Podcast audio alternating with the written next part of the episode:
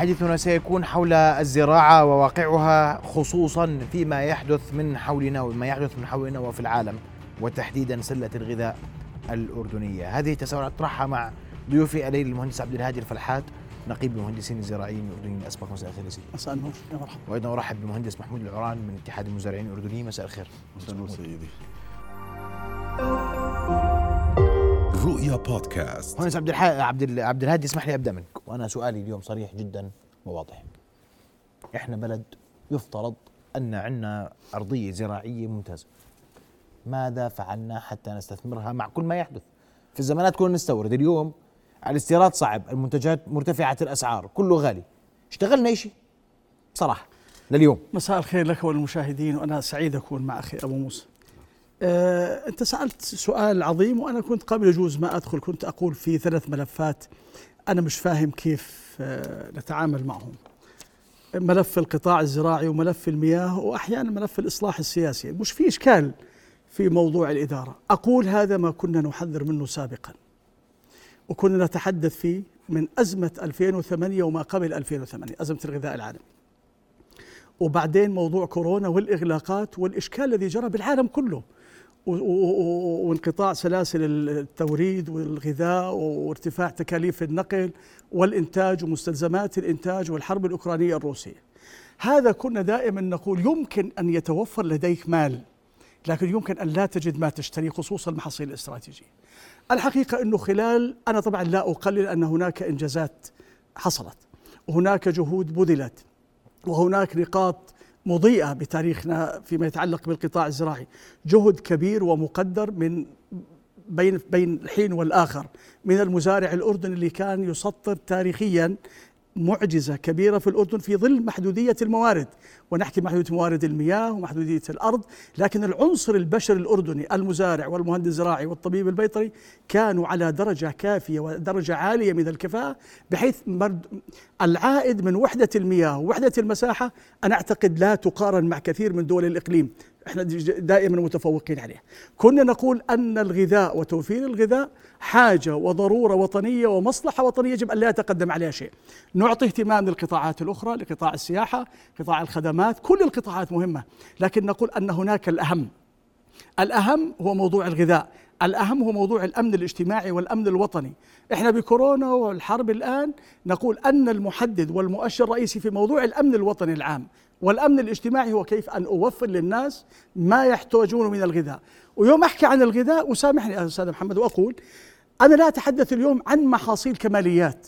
ما بتحدث عن الفراولة وما بتحدث عن أهميتها لبعض الشرائح عن بعض المح... أنا أتحدث عن محاصيل استراتيجية. أحكي عن محاصيل الحبوب عن الأعلاف عن اللحوم البيضاء عن اللحوم الحمراء احتياجات الناس من المحاصيل والمنتجات الرئيسية الكبيرة. وين وصلنا؟ أنا بعطي مؤشرات. وأرجع أقول أنني لا أنتقص من أي جهد بذل وأن هناك في مشاريع وفي إنجازات يشار لها لكن هل هي كافية؟ هل الاهتمام كان كافي خلال الفترات الماضية بالقطاع الزراعي خلال ال 30 سنة الماضية؟ أقول لا. أقول أن كان القطاع الزراعي على هامش الاهتمام وأنا أدلل بمسألتين.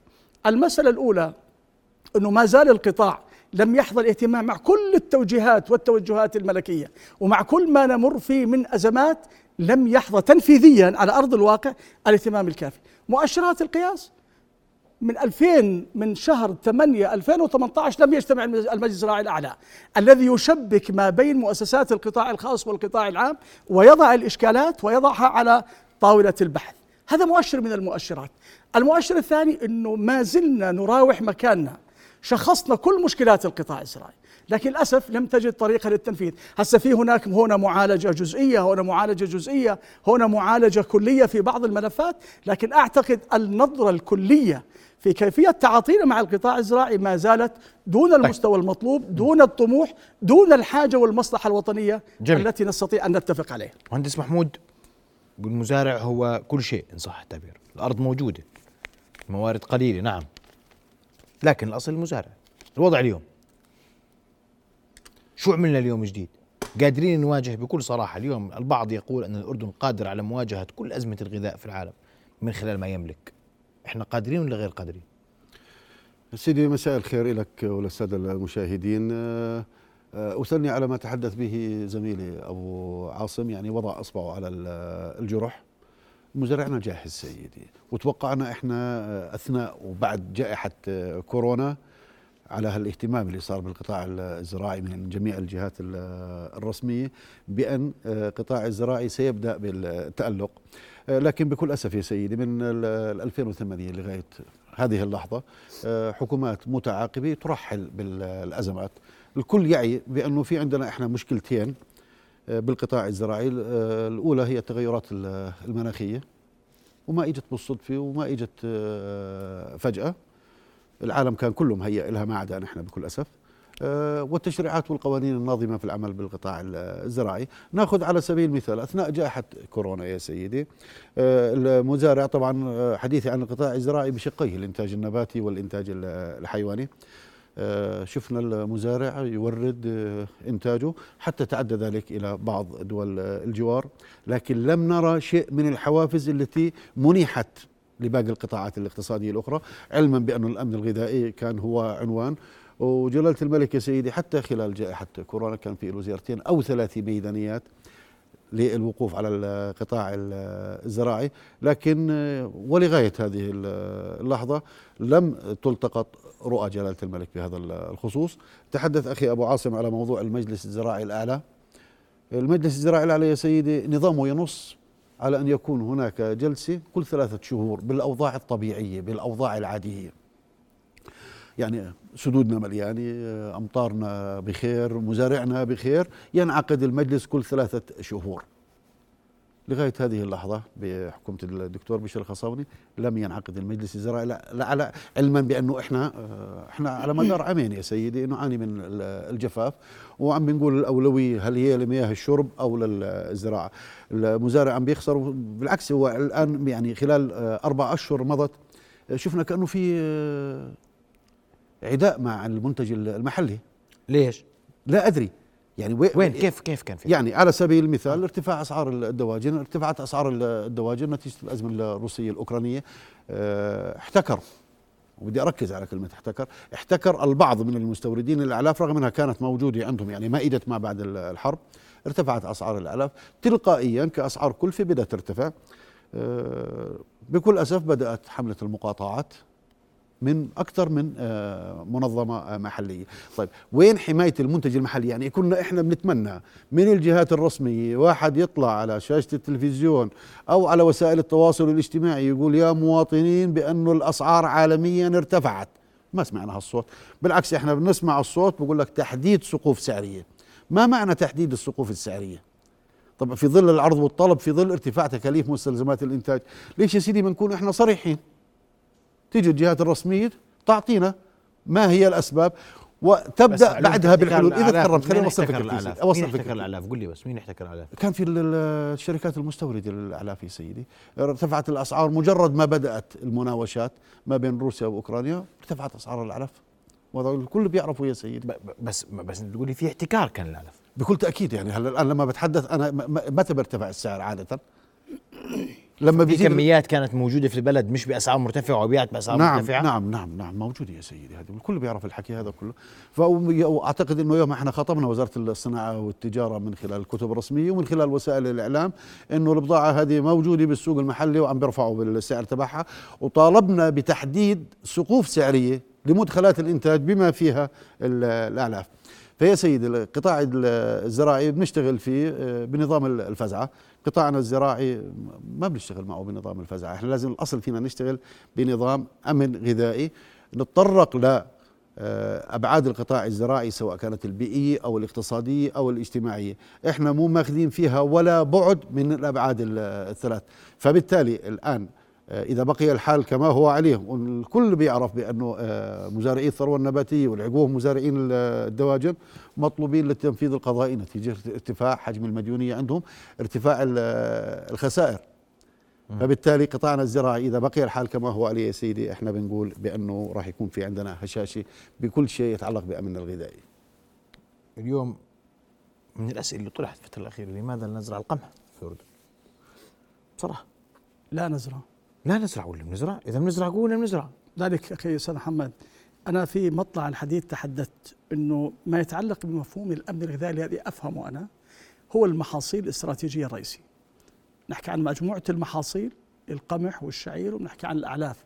لأن الأعلاف تترجم مباشرة إلى لحوم حمراء ولحوم بيضاء.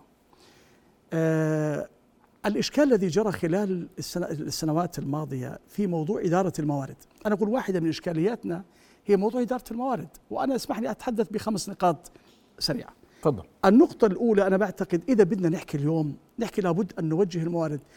يوم كان عندنا مشكلة طاقة قبل كم سنة الدولة رعت بعض من الشركات في موضوع توليد الطاقة الشمسية ووقعت عقود معهم كبيرة بحيث تضمن عدم خسارتهم. اليوم نقول اليوم مصلحة أردنية بدي أوجه الناس خصوصا في بعض المناطق أو الزراعات المروية أو جزء من أراضي الغور المروية باتجاه زراعة المحاصيل الرئيسية. وقدمنا يجوز مشروع خلال الفترات الماضية في كيفية إدارة الموارد الأرضية المتاحة والموارد المائية. لكن تحتاج إلى رعاية لأنه كلفة إنتاج المحاصيل القمح والشعير والأعلاف هي مرتفعة والعائد منها قليل وجوز أقل ما بتحقق ما بتحقق التكاليف. لأنه قاعدين نشتغل على موضوع يجوز لا تحقق التكاليف أو تطلع يا دوب لا يا متساوية التكاليف مع الإيرادات. هذا اليوم تحتاج في هذه الظروف تحتاج إلى إلى إلى إلى, إلى حماية وتحتاج إلى تحفيز وتحتاج إلى رعاية من الدولة خصوصا بعض الزراعات المهمة التي نتحدث عنها. ولذلك هذا اليوم هذه المحاصيل تحتاج الجهد إضافي تحتاج إلى جهد استثنائي من الدولة. هذا الجانب. الجانب الثاني آه، أنا بعتقد إنه ملف المياه واحد من المحددات.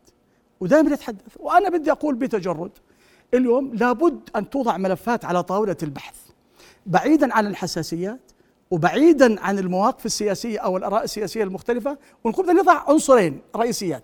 موضوع المياه وحقوقنا المائية مع دول الجوار سواء مع أشقائنا بالشمال بسوريا أو أشقائنا بالشرق آه، السعوديين أو آه، آه، دولة الاحتلال. وأنا أتمنى على الذي يدير الملف المياه أن لا نعتبر أن بداية أزمة المياه وملف المياه بدأ من 94 اتفاقية وادي عربة. طيب مو في اتفاقية من 54 وكان حقوقنا المائية في في نهر الأردن 850 مليون متر مكعب. يعني أن لا نقول دائما أن هناك التزام ومع الجوانب الأخرى ما في التزام. لا أنا بعتقد حقوقنا المائية يجب أن توضع على طاولة البحث دون حساسية ونقدر المصلحة. مو يا نشرب مع بعض جميعا ونأكل مع بعض ونزرع مع بعض. يا إما نعطش مع بعض.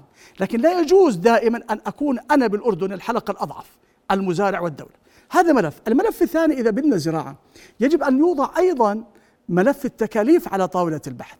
أنا ما بتحدث اليوم عن بعض العناصر التي تساهم في ارتفاع التكاليف على المزارعين.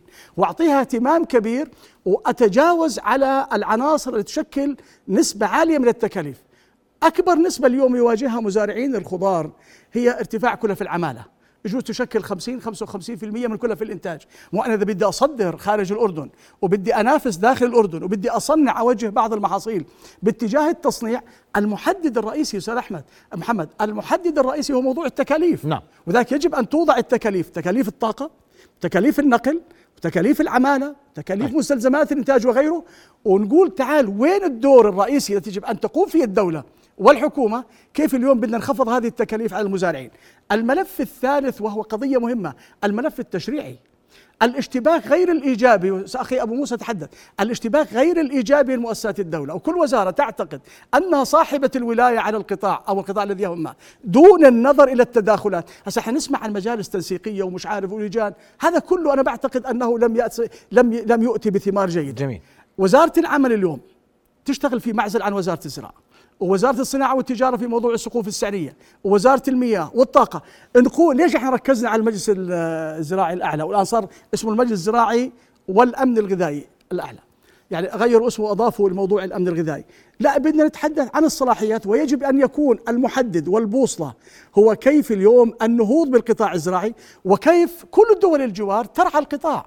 رعاية القطاع أصبحت غاية وضرورة ومصلحة وطنية وما ننظر للقطاع الزراعي بحسابات مالية مجردة. أرقام. لا يجب أن نتعامل مع القطاع على أهمية الرقم والعائد المالي من وحدة المياه ووحدة المساحة ووحدة على أنه ملف أمني بامتياز. لكنه ملف أمني وملف وطني وملف اجتماعي بامتياز ويجب أن لا نتجاوز هذه الاعتبارات. في نقاط أخرى؟ الملف أنا ما جاوبتش يعني أرجوك. أنا بدي جاوبني على القمح. أنا تحدثت عن القمح. إحنا اليوم مثلا بشركة الضمان وأنا يعني معني إني أتحدث فيها. إحنا زرعنا 2000 دونم قمح في منطقة المدورة وزرعنا 1000 دونم شعير وزرعنا 2000 دونم 2500 دونم آه، برسيم وباتجاه المحاصيل الاستراتيجية لكن تحدثت أيضا في المداخلة الحالية وقلت إنه تكاليف الإنتاج أصبحت عالية جدا. لا تحقق عوائد مالية. وأقول مش فقط لشركة الضمان لا أنا بقول لكل واحد. في شركات أخرى قاعد تزرع بالمدورة أو بعض المناطق الأخرى. بعد ما نعالج مشكلة المياه وفعلا يكون عندنا رؤية فيما يتعلق بملف المياه أنا بقول يجب أن توجه الموارد بتحفيز إلى المؤسسات والمزارعين والشركات الكبيرة بإنتاج المحاصيل الرئيسية الاستراتيجية اللي هو محاصيل القمح والشعير والاعلاف باصنافها المختلفة. ونتجاوز المرحلة لكن برعاية وتحفيز لأنه المزارع بالمحصلة هو بده بده عائد مالي. اخر آخر يوم بده يبيع بده ربح يحقق ربح بده يحقق ربح معقول. لا ربح هذه المحاصيل مقارنة مع بعض المحاصيل الأخرى متواضع جدا إن كان هناك بعض جميل. الأرباح. الأغوار سؤال مهم كمان. وين الأغوار؟ سيدي أي أين شو وين الخطة الزراعية في الغور؟ معلش. في ناس تقول لك الغور اليوم لا يستغل يعني بشيء مما يملك. آه سيدي بالنسبة لمنطقة وادي الأردن آه لاحظنا خلال آه العامين الماضيين آه، كان في آه، عزوف عن الاستثمار فيها ارتفاع حجم المديونية تدني أسعار آه، الإنتاج ارتفاع تكاليف مستلزمات الإنتاج ناهيك طبعا عن المطلوبين للتنفيذ القضائي. سألت عن خطة وادي الأردن ليش ما نسأل على الخطة الزراعية للأردن كاملة مش في خطة؟ هون الآن سيدي بدي آه، أختلف شوي مع أخوي أبو عاصم لما قال إنه آه، التكاليف لزراعة القمح. يعني كأنه بلخص بقول لك هي آه، زراعة القمح غير مجدية. زراعة القمح يا سيدي والأعلاف هي الآن في ظل الظروف الحالية ما راح نطلع الأصل فينا ما راح نطلع على الكلفه لأنه أنت تتحدث على مخزون استراتيجي تتحدث على أمن غذائي حقيقي. أرجع لمنطقة وادي الأردن مرة أخرى هلأ. الآن يا سيدي عندنا إحنا بالأردن تقريبا 2.8 بالعشرة مليون دونم مروية. وكنا إحنا بنقول قبل شوي المجلس الزراعي الأعلى وين المجلس الزراعي الأعلى؟ بدنا نسأل إحنا ليش نسأل عن المجلس الزراعي الأعلى؟ واحدة من الخطط اللي إحنا بدنا إياها من هذا المجلس بأنه يقر إنه إنه نزرع ثلث المساحة المروية بالقمح. وبنفس الوقت لما أنا بدي أشتغل زراعة آه، قمح وأخليها تكون زراعة مجدية لابد من تفعيل دور الأرصاد الجوية. نستعين بخبراء الطقس على الرغم منها زراعة مروية آه، نستعين بالأبحاث العلمية. لكن مو معقول سيدي بأنه أنا أجيب آه، بذور قمح من منطقة المشقر اللي الهطولات المطرية فيها بتوصل 700 و800 أروح أزرعها بالمناطق الجنوبية المعدلات هطولاتها المطرية لا تتعدى 200 اذا كيف بده يكون في عندي زراعة قمح أنا أو حتى زراعة آه، شعير؟ اذا أنا بدي بدي أشتغل خطة صح وقلت لك أنا بدي خطة زراعية للأردن وليس لوادي الأردن آه، لوحدها. لابد من تفعيل دور البحث العلمي. إحنا الآن بنعيش بتغيرات مناخية سيدي. عم بنشوف مختلفة تماما. فصل ربيع ما في عنا إحنا. ما عم بنمر بفصل ربيع. فورا شتاء صيف. صيف ندخل بالشتاء. البرد قصدك مش شتاء. هو مش عم نشوف مطر. بالضبط. آه. فصل الشتاء يعني أنا فصل الشتاء آه. فصل الشتاء. آه الأمطار يا سيدي إحنا الآن عم بنشوف الأمطار عم بتروح على المناطق الشرقية وعلى المناطق الجنوبية. يا ما أرواح راحت نتيجة الفيضانات. وهون السؤال وبيجوز أبو عاصم يشاركني فيه وين حصادنا المائي إحنا الآن في هذه المناطق؟ مم. ليش إحنا ما عم بنتابع الغور مستثمر بطريقة صحيحة بسؤال سريع. لا بكل تأكيد لا سيدي. ليش؟ ليش يا سيدي؟ الآن آه، حتى الأصناف يا سيدي اولا أسواقنا آه، آه، إنجاز التعبير حدودنا لغايات التصدير هي لا زالت شبه مغلقة. عم ننتج إنتاج عشوائي دون النظر إلى احتياجات الأسواق. الأصل فينا أن ننتج ما تحتاجه الأسواق ونزرع شغلات نعم. في الغور بدها مي كثير. أنا بحكي كلام مسؤول عنه صح؟ لا سيدي لا إحنا بدناش نقول إنه والله نرجع نردد مقولة إنه والله إحنا يمكن بنصدر مي. معلش. أخي مح- أخي محمد بدناش نردد مقولة إنه إحنا بنصدر مي. لا يا سيدي إحنا بنزرع. إحنا ننتج غذاء. كويس. هذه الم- المناطق اللي أنت حاطط بالك فيها لا تصلح إلا لهيك زراعات.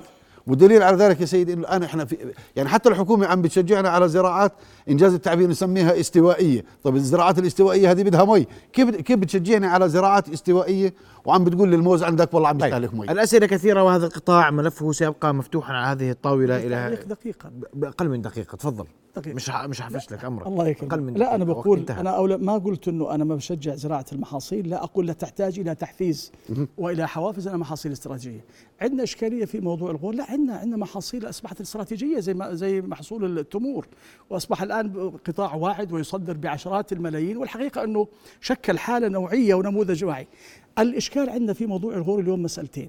إنه فقد نوع جزء من أهميته النسبية خلال السنوات الماضية لأن الدول الأخرى بدأت تعطي اهتمام بالقطاعات الزراعية تزرع والمسألة الثانية التعدي على الأراضي. اليوم قاعد تنشأ مدن داخل الأغوار وبالتالي أنا بعتقد أن المحافظة على واضح. الإغوار من من من التعدي العمراني بصورة كبيرة جدا مهم من خلال جداً. المعالجات قضية مهمة جدا نعم. النقاط الإيجابية والمضيئة كثيرة لكن إحنا معنيين اليوم إحنا أيدينا الضوء على على الثغرات العثرات ال- التي تحتاج إلى معالجه سريعه ضيوف الكرام أشكركم كل الشكر وقت انتهى رؤيا بودكاست